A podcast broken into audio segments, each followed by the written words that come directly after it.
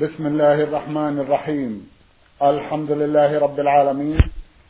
والصلاة والسلام على نبينا وسيدنا محمد وعلى آله وصحبه وسلم. مستمعي الكرام السلام عليكم ورحمة الله وبركاته. وأسعد الله أوقاتكم بكل خير. هذه حلقة جديدة مع رسائلكم في برنامج نور على الدرب. رسائلكم في هذه الحلقة نعرضها على سماحة الشيخ عبد العزيز ابن عبد الله بن باز الرئيس العام لإدارة البحوث العلمية والإفتاء والدعوة والإرشاد. مع مطلع هذه الحلقة نرحب بسماحة الشيخ. ونشكر له تفضله بإجابة الإخوة المستمعين فأهلا وسهلا بالشيخ عبد العزيز. حياكم الله. أولى رسائل هذه الحلقة رسالة وصلت إلى البرنامج من إحدى دول المغرب العربي كما يبدو من الخط. أما صاحبها فلم يذكر اسمه. هذه الرسالة تضمنت سؤالين. في سؤاله الأول يقول هل يوجد المجاز في القرآن الكريم؟ جزاكم الله خيرا. بسم الله الرحمن الرحيم. الحمد لله صلى الله وسلم على رسول الله وعلى آله وصحبه. أما بعد فالصواب أنه لا يوجد فيه المجاز الذي يعنيه أصحاب البلاغة والأدب وهو أنه يجوز نفي الشيء عما أطلق عليه وإنما يجوز فيه توسع اللغة. فالمجاز مصدر جاز يجوز مجازا مثل قال يقول مقالا. والمعنى أنه يجوز في اللغة أن تقول سألت القرية أو سألت العيد أو تقول جلاح الذل أو ما أشبه ذلك كما جاء في القرآن الكريم. هذا من سعة اللغة وعدم تقيدها بألفاظ خاصة في مثل هذا. فالمقصود أنه من الجواز ضد المنع ليس من الجواز الذي يرى أهل البيان والبلاغة أنه يصح النفي. يصح نفيه. نعم. جزاكم الله خيرا وأحسن إليكم. يسأل سماحتكم فيقول هل صوت المرأة عورة؟ صوتها ليس بعورة قد كان النساء النساء يسألن النبي صلى الله عليه وسلم ويسألن الصحابة ولم ينكر عليهن النبي صلى الله عليه وسلم ذلك. وإنما العورة خضوعها بالقول وتغنجها. لقوله سبحانه يا نساء النبي لستن كأحد من النساء لستن كأحد من النساء. إن اتقيتن فلا تخضعن بالقول فيطمع الذي في قلبه مرض. فالمشروع لها أن يكون صوتها وسطا. لا خضوع فيه ولا فحش فيه. ولهذا قال وقولن قولا معروفا. فهكذا ينبغي المرأة أن تكون متوسطة في كلامها. لا. لا لا مفحشة في القول ولا خاضعة. فيطمع الذي في قلبه مرض. نعم. جزاكم الله خيرا وأحسن إليكم. أحد الإخوة المستمعين بعث بالأفطر التالية يقول بسم الله الرحمن الرحيم. سماحة الشيخ حفظه الله. السلام عليكم ورحمة الله وبركاته. حصل عند بعض الشباب إنكار للتسمي بالأثر والانتساب إلى الأثر. ويقولون إن هذه النسبة تفرق المسلمين. فهل هذا صحيح أم أنها مجرد نسبة إلى حديث النبي صلى الله عليه وسلم وإلى الحق؟ وخاصة أن بعض العلماء الأعلام كالحافظ العراقي تسمى بذلك. هل صحيح أنكم تراجعتم عن التسمي بذلك جزاكم الله خيرا. لا أعلم حرجا في ذلك. إذا قال إنه أثري أو قيل عن فلان إنه أثري إذا كان صحيحا إذا كان يعتمد الأحاديث النبوية والسنة المطهرة ويسير على نهج السلف الصالح فيقال أثري أو يقال من أهل السنة والجماعة. كل هذا لا حرج فيه ودرج عليه أهل السنة. طيب. إذا كان صادقا في ذلك نعم. معنى هذا أن سماحتكم لم يتراجع عن التلقي بهذا اللقب. أنا ما سميت به إن سماني بعض الناس لم أتسمى بهذا ما قلت عن نفسي إني أثري. أيوة. إنما بعض الناس قال عني ذلك. نعم. ووجد في بعض الكتب. أي قال عني بعض الناس ذلك. جزاهم الله. أما أنا أقول نعم أنا إن شاء الله من أهل السنة والجماعة. اللهم آمين. وأنا إن شاء الله أثري يقوله الآن. اللهم آمين. نعم. اللهم آمين. جعلنا الله وإياكم نعم. من نعم. الاثرين اللهم آمين. نعم. بعد هذا رسالة مطولة بعث بها أحد الإخوة يقول أخوكم في الله باء عين زايد. أخونا رسالته مطولة جدا. ملخص ما في هذه الرسالة أن والده تزوج وأنجب من الزوجة الجديدة وحينئذ أصبح لا يعاملهم معاملة الأب الحنون على أبنائه. يقول إن أباه تزوج. وأنجب من المرأة الجديدة. وحينئذ تغيرت مشاعره نحو أبنائه القدامى وأصبح لا ينظر إليهم نظرة الأب الحنون. ويرجو من سماحة الشيخ توجيه هذا الأب بالذات وتوجيه أمثاله ولا سيما أنهم يصفونه بالإهمال حتى لبنت معوقة عمرها ثنتا عشرة سنة. جزاكم الله خيرا. الواجب على الوالد والوالدة العدل بين أولادهم في كل شيء. لقول النبي صلى الله عليه وسلم اتقوا الله واعدلوا بين أولادكم. فالواجب على العبد أن يعدل في عطيته وفي ملاحظته وفي إنفاقه وفي حسن خلقه على أن يعدل في الجميع ذكورا وإناثا. والأم كذلك. هذا هو الواجب على الجميع. يقول النبي صلى الله عليه وسلم اتقوا الله واعدلوا بين أولادكم. وهذا عام. يعم العدل في النفقة والعطية وغير ذلك ولأن عدم العدل يسبب الشحنة والعداوة والبغضاء. وتلك عواقبها وخيمة. نسأل الله للجميع الهداية. اللهم آمين. سماحة الشيخ لو تفضلتم في الواقع أن مما أساء إلى تعدد الزوجات تصرف بعض الناس مثل هذا التصرف؟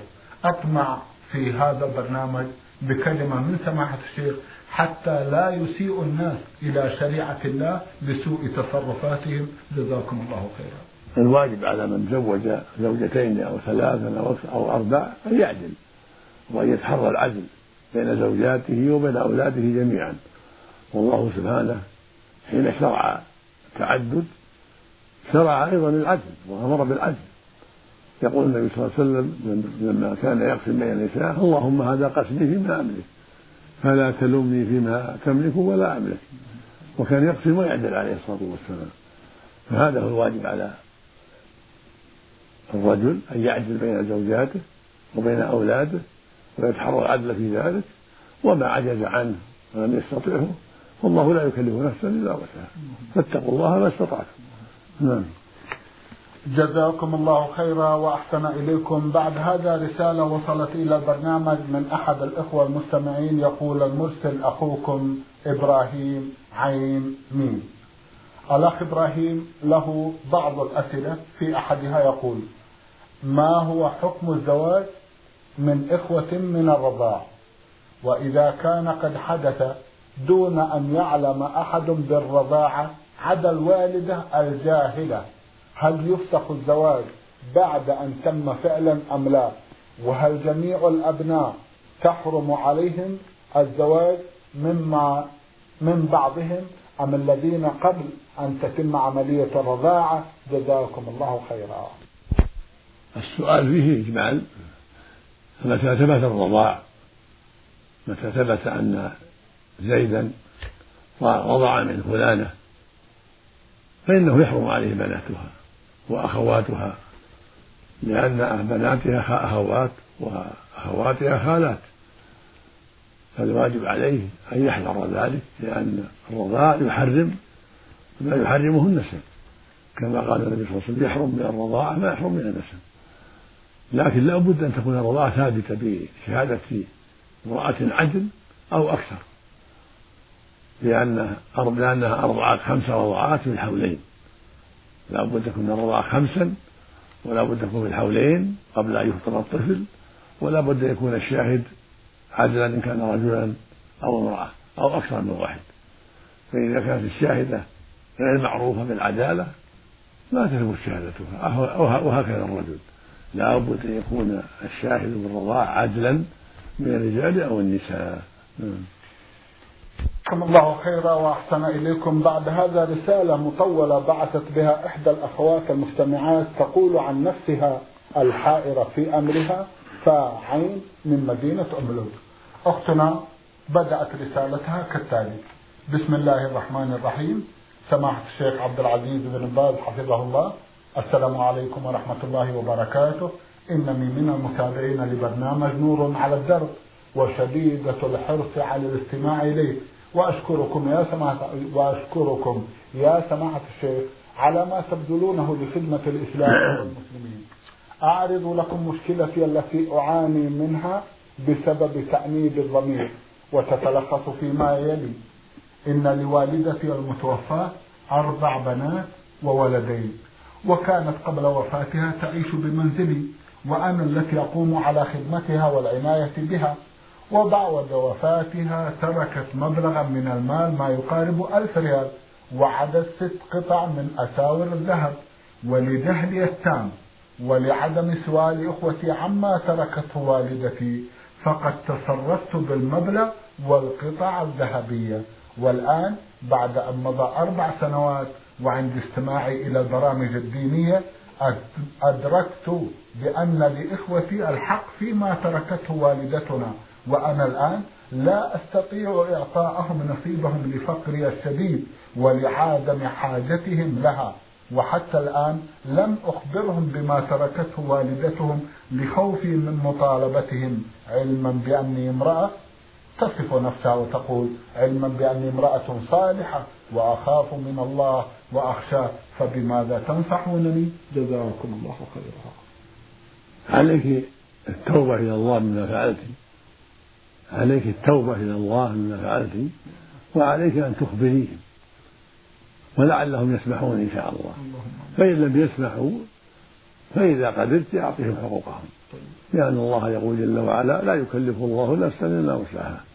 ويقول سبحانه وإن كان ذو عسرة فنظرة إلى ميسرة. فلهم حقهم مما خلفت الوالدة من الأشرة والدراهم إلا أن يسمحوا. فإذا سمحوا أو بعضهم فالحمد لله. ومن لم يسمح عليك أن تعطيه حقه إذا قدرت ولو بعد مدة. وعليك تقوى الله في ذلك وفي الصدق والجد حتى توصل إليهم حقوقهم. إلا إذا سمح الجميع عنها أو سمح البعض وإن سمح فجزاه الله خيرا. ومن لم يسمح فعليك أن تتقي الله وأن تعطيه حقه. نعم. جزاكم الله خيرا وأحسن إليكم من الجمهورية اليمنية رسالة بعث بها مستمع من هناك يقول حسين عبد أحمد المنصوري من رداح أخونا يقول تعالجت لمدة سنتين من عام 1402 وذلك لأني أعاني من مرض وذلك لأني أعاني من مرض مزمن ولا زال بي حتى الآن. وإذا جاء رمضان أحتار كيف أصوم؟ لأنه يشق علي مشقة كبيرة. هل أطعم أم كيف توجهونني؟ جزاكم الله خيرا. ونفع بكم الإسلام والمسلمين في مشارق الأرض ومغاربها. عليك أن تقضي إذا شفاك الله. لقول, الله سبحانه ومن كان مريضا أو على سفر فعدة من أيام أخرى. لكن إذا قرر الطبيب الثقة أو أكثر من طبيب أن هذا المرض لا يرجى بره ويشق عليك الصوم فإنك تطعم عن كل يوم مسكينا نصف صاع. من التمر أو الأرز أو الحنطة أو غيرها من قوت البلد. تجمعها وتعطيها بعض الفقراء في أول الشهر أو في آخره أو في وسطه. والحمد لله. أما ما دمت ترجو العافية فإنه يلزمك القضاء إذا شفاك الله. جزاكم الله خيرا وأحسن إليكم. بعد هذا ننتقل إلى جيزان قرية زربة عبر رسالة بعث بها مستمع من هناك رمز إلى اسمه بالحروف عين باها. أخونا بدأ رسالته كالتالي. بسم الله الرحمن الرحيم. الحمد لله رب العالمين. والصلاة والسلام على نبينا محمد وعلى آله وصحبه وسلم. أبعث برسالتي هذه إلى سماحة الشيخ عبد العزيز بن عبد الله بن باز حفظه الله. أما بعد فإني أحبك في الله وأسأل الله أن يحشرني وإياك ومن أحب في جنة النعيم. إنه على كل شيء قدير. سماحة الوالد ما هي الصفات التي يجب أن تتوفر في من أراد أن يصير إماما في مسجد يؤم المصلين جزاكم الله خيرا. أولا نقول أحبك الله الذي أحببتنا له. وقد صح عن رسول الله صلى الله عليه وسلم أنه قال وجبت محبتي يقول الله عز وجل وجبت محبتي للمتحابين في والمتزاورين في والمتجالسين في والمتبادلين في وثبت أيضا عنه صلى الله عليه وسلم أنه قال يقول الله يوم القيامة أين المتحابون بجلالي اليوم أظلهم في ظلي يوم لا ظل إلا ظلي. نسأل الله أن يجعلنا وإخواننا المتحابين في الله من هؤلاء. أما الصفات التي ينبغي أن تكون في الإمام مثل ما بين النبي صلى الله عليه وسلم يؤم القوم أقرأهم لكتاب الله. فإن كانوا في القراءة سواء فأعلمهم بالسنة فإن كانوا في السنة سواء فأقدمهم هجرة فإن كانوا في سواء فأقدمهم سنا فأكبرهم سنا وفي لفظ فأقدمهم إسلاما. فعليك يا أخي أن تجتهد في إتقان القرآن والعناية به وحفظ ما تيسر منه والتفقه في الدين والتعلم حتى تعرف أحكام صلاتك وأحكام سجود السهو ونحو ذلك مما يعرض للإمام مع تقوى الله والاستقامة على دينه والحذر من معصيته سبحانه وتعالى. فإذا اجتهدت في ذلك فأنت صالح للإمامة وأهم شيء العناية بالتفقه في الدين والعناية بالقرآن الكريم وحفظ ما تيسر منه مع الاستقامة على طاعة الله والحذر من معاصيه سبحانه وتعالى. نعم. جزاكم الله خيرا وأحسن إليكم. يقول عندي والدة بها مس من الجن. ولا تستطيع الجلوس في الزحام ولا تطيق الزحام ولم تحج حتى الآن. فهل لي أن أحج عنها أو لأبي علما بأن الوالدة قد حج؟ ولله الحمد. أفتونا جزاكم الله خيرا. مثل هذه يرجى أن تشفى وأن تعافى. فعليكم أن تجتهدوا في القراءة عليها. لعل الله يكفيها من هذا المس. تقرأ عليها أنت أو أبوك تقرأ عليها أخوك يقرأ عليها من هو معروف بالخير. لعل الله يزيل عنها هذا البلاء. والمعروف أن المجنون إذا قرئ عليه الآيات القرآنية والدعوات الطيبة ونوشد هذا الجن بالله وحذر من الظلم أن الله سبحانه وتعالى يخرجه منها. فعليكم أن تجتهدوا في الأسباب لعل الله سبحانه يشفيها من هذا البلاء. وتحج بنفسها والحمد لله. الحمد لله. نعم. إذا لا يتعجلون لا, لا يتعجل لأنها يرجى يرجى زواله اللهم وهم يؤثم نعم. اللهم آمين. إذا عليهم أن يبذلوا الأسباب. عليهم أن يبذلوا الأسباب نعم. بارك الله فيكم وجزاكم الله خيرا. نعم. بعد هذا رسالة وصلت إلى البرنامج من أحد الإخوة المستمعين يقول أنا سوداني يقول في رسالتي أسألكم عن قراب الأرض الواردة في بعض ألفاظ حديث رسول الله صلى الله عليه وسلم. جاء في حديث عن النبي صلى الله عليه وسلم أنه قال يقول الله عز وجل لو أتيتني بقراب الأرض بقراب الأرض خطايا ثم لقيتني لا تشرك بي شيئا لقيتك بقرابها مغفرة قرابها يعني ما يقارب ملئها قرابها يعني ملؤها أو ما يقارب ملئها وهذا عبارة عن سعة جوده سبحانه وتعالى وكرمه. والمعنى أنك لو لقيتني بكل الذنوب ما عدا الشرك بالله فإنه جل وعلا يغفر لمن تاب إليه وأناب إليه. وهكذا الشرك إذا تاب صاحبه تاب الله عليه. لكن من مات على الشرك فإنه لا يغفر له بل له النار أبدا نسأل الله العافية. لقول الله عز وجل إن الله لا يغفر أن يشرك به. ثم قال سبحانه ويغفر ما دون ذلك لمن يشاء. ثم فبين سبحانه وتعالى في كتابه العظيم أن الشرك لا يغفر وأن ما دونه تحت مشيئته سبحانه وتعالى. فمن جاءه بذنوب تحت دون الشرك تائبا نادما تاب الله عليه. وإن جاء غير تائب فهو تحت مشيئة الله. ويرجى له أن يتوب الله عليه وأن يعفو عنه إذا كانت له أعمال صالحة أو مات على حسن خاتمة. فالمقصود أن هذا فيه وعد فيه رجاء وعد لمن مات على المعاصي. إذا لقي الله موحدا ليس بمشرك أن الله يغفر له. فهذا من أحاديث الرجاء من أحاديث الوعد. وهناك أحاديث الوعيد لمن مات على المعاصي.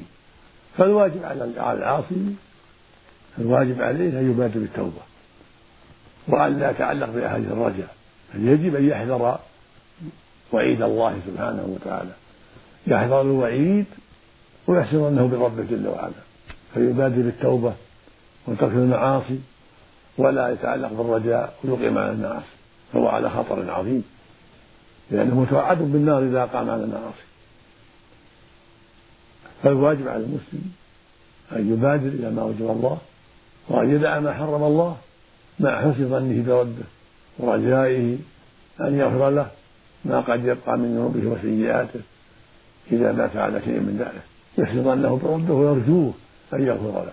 لكنه لا يتساهل ولا يعتمد على الرجاء ويقيم على المعاصي والسيئات لأن الله قال جل وعلا في كتابه العظيم والذين إذا فعلوا فاحشة أو ظلموا أنفسهم ثم ذكروا الله واستغفروا ومن يغفر ومن يغفر ومن يغفر الذنوب عند الله ولم يصروا على ما فعلوا وهم يعلمون. أولئك جزاؤهم مغفرة من ربهم. وجنات تجري من تحتها الأنهار خالدين فيها ونعم أجر العاملين. فالله سبحانه وتعالى وعد المغفرة غير المصلين والذين إذا فعلوا فاحشة أو ظلموا أنفسهم. ثم ذكروا واستغفروا الذنوب ومن يغفر ومن يغفر الذنوب عند الله. ولم يصروا على ما فعلوا. شرط عدم الإصرار. ولم يصروا على ما فعلوا وهم يعلمون. أولئك جزاؤهم مغفرة من ربهم. وجنات تجري من تحتها الأنهار خالدة فيها ونعم أجر العاملين فأنت يا عبد الله عليك أن تحذر الإصرار. وأن تبادر بالتوبة النصوح من ذنوبك لعلك تفوز بالمغفرة والرحمة. لأن الله عز وجل وعد المغفرة من لم يصر كما في هذه الآية الكريمة مع الرجاء. لمن مات على المعاصي يكون عنده حسن ظن بالله لا يقنط ولكن يحذر ويجتهد في التوبة في ترك المعاصي. ما دام في قيد الحياة. حذرا من غضب الله وحذرا من عقابه سبحانه وتعالى. نعم. جزاكم الله خيرا وأحسن إليكم. سماحة الشيخ هل تتفضلون بالحديث ولو موجزا عن الوعد والوعيد في شريعة الله؟ وقد تطرقتم إلى هذا في إجابة هذا المستمع. نعم الوعد والوعيد ورد في الكتاب العزيز والسنة المطهرة. طيب. فالوعد يوجب حسن الظن بالله فإن وعد الموحدين وعدهم بالمغفرة والرحمة من مات على التوحيد وعدهم الله بالمغفرة والرحمة والجنة. وتوعد العاصين بالنار توعد العاصين بالنار. فالواجب على المسلم ألا يقنط ولا يأمن. يكون بين بين الرجاء والخوف. لأن الله ذم الآمنين وذم القانطين. فقال سبحانه أفأمن مكر الله؟ فلا يمن مكر الله إلا القوم الخاسرون. وقال عز وجل ولا تيأسوا من روح الله لا تقنطوا من رحمة الله. فالواجب على المكلف رجلا كان أو أنثى ألا ييأس ولا يقنط ولا يأمن بل يكون بين الرجاء والخوف يخاف الله ويحذر المعاصي ويجتهد بالتوبة وسؤال الله العفو ولا يأمن من مكر الله فيقيم على المعاصي ويستحل ولكن يحذر معاصي الله ويخافه ولا يأمن فيقول بل يكون بين الخوف والرجاء يحسن أنه بربه ولكن لا يأمن. ولا يقنط وييأس بل يخاف ويحذر ولا يقنط ولا ييأس. فلا قنوط ولا يأس ولا أمن من مكر الله ولكن بين ذلك يعبد الله بين الخوف والرجاء. يحسن ظنه بربه ويرجو رحمته مع مع خوفه. من عقابه وغضبه ونقمته بسبب معاصيه وسيئاته. هكذا الواجب على المؤمن. أي أن يكون في سيره إلى الله بين الرجاء والخوف. لكن في حال المرض يغلب عليه الرجاء. حسن الظن بالله. وفي حال الصحة رأى بعض السلف أن يغلب جانب الخوف حتى يحذر وحتى يتباعد عن المعاصي. وبكل حال فالواجب أن يسير إلى الله بين الرجاء والخوف. لا أمن ولا قنوط. وفق الله الجميع نعم. اللهم آمين. جزاكم الله خيرا وأحسن إليكم. سماحة الشيخ ما رأيكم في الذين يكثر نعاسهم ونومهم إذا أقيمت حلقات الذكر؟ عليه أن يجتهد ويحاسب نفسه ويتحرى اسباب يقظته وانتباهه ولو بشيء يتعاطاه من قرنفل أو غيره أو سواك يتعاطى الأسباب يجتهد في الأسباب التي تعين على الانتباه واليقظة وسماع الفائدة. نعم. جزاكم الله خيرا. سماحة الشيخ يقولون إن النوم والنعاس عدوى. ما هو رأيكم؟ لا سمعت لا بلغ لي شيء في هذا. نعم. جزاكم الله خيرا. المستمع أيضا يسأل ويقول إمام صلى بنا صلاة سرية إنما هو قد جهر فيها فما هو توجيهكم؟ لا شيء عليه وإن سجد للسهو فلا حسن. ولكن لا يلزمه ذلك لأن الجهر والإصرار سنتان. فلو جهر في السر أو أسر في الجهر فلا شيء عليه.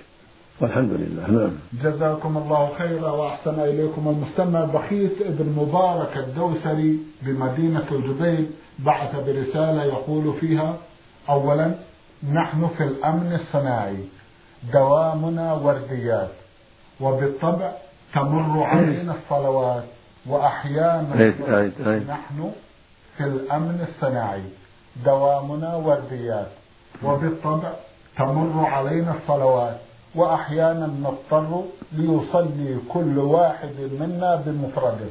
سؤالنا هل تحسب لنا صلاة الجماعة وأجرها؟ علما بأننا نصلي نصلي أحيانا فرادا جزاكم الله خيرا؟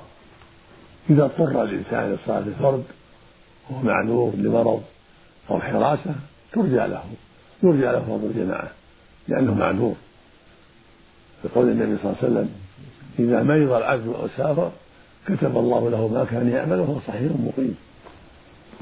ولقوله صلى الله عليه وسلم في الذين تخلفوا عن غزوة تبوك في المدينة قال عليه الصلاة والسلام إن في المدينة أقواما ما سرتم مسيرا ولا قطعتم واديا إلا وهم إلا وهم معكم. قال وهم في المدينة قال وهم في المدينة حبسهم العذر في الإطلاق حبسه المرض فالمعذور له أجر العاملين. إذا كان تخلفه من أجل العذر الشرعي. نعم. جزاكم الله خيرا وأحسن إليكم. يقول إذا كان هناك إنسان أتى من مكان بعيد ولم يستطع أن يصلي مثلا صلاة المغرب وعندما وصل إلى البيت فإذا بصلاة العشاء تقام. هل يصلي العشاء أولا أم يصلي المغرب؟ جزاكم الله خيرا. يصلي معهم العشاء بنية المغرب. طيب. لا يضيع الجماعة. يصلي معهم العشاء بنية المغرب ويجلس في الثالثة. ويسلم معهم بعد ذلك ثم يصلي العشاء. حتى تحصل له يحصل له الجماعة. هذا هو المختار وهذا هو الأرجح. نعم. جزاكم الله خيرا. سماحة الشيخ في ختام هذا اللقاء أتوجه لكم بالشكر الجزيل. بعد شكر الله سبحانه وتعالى على تفضلكم بإجابة الإخوة المستمعين. وآمل أن يتجدد اللقاء وأنتم على خير. اللهم آمين. مستمعي الكرام كان لقاؤنا في هذه الحلقة مع سماحة الشيخ عبد العزيز ابن عبد الله بن باز الرئيس العام لإدارات البحوث العلمية والإفتاء والدعوة والإرشاد. شكرا لسماحة الشيخ. وأنتم يا مستمعي الكرام شكرا لحسن متابعتكم. وإلى الملتقى. وسلام الله عليكم ورحمته وبركاته.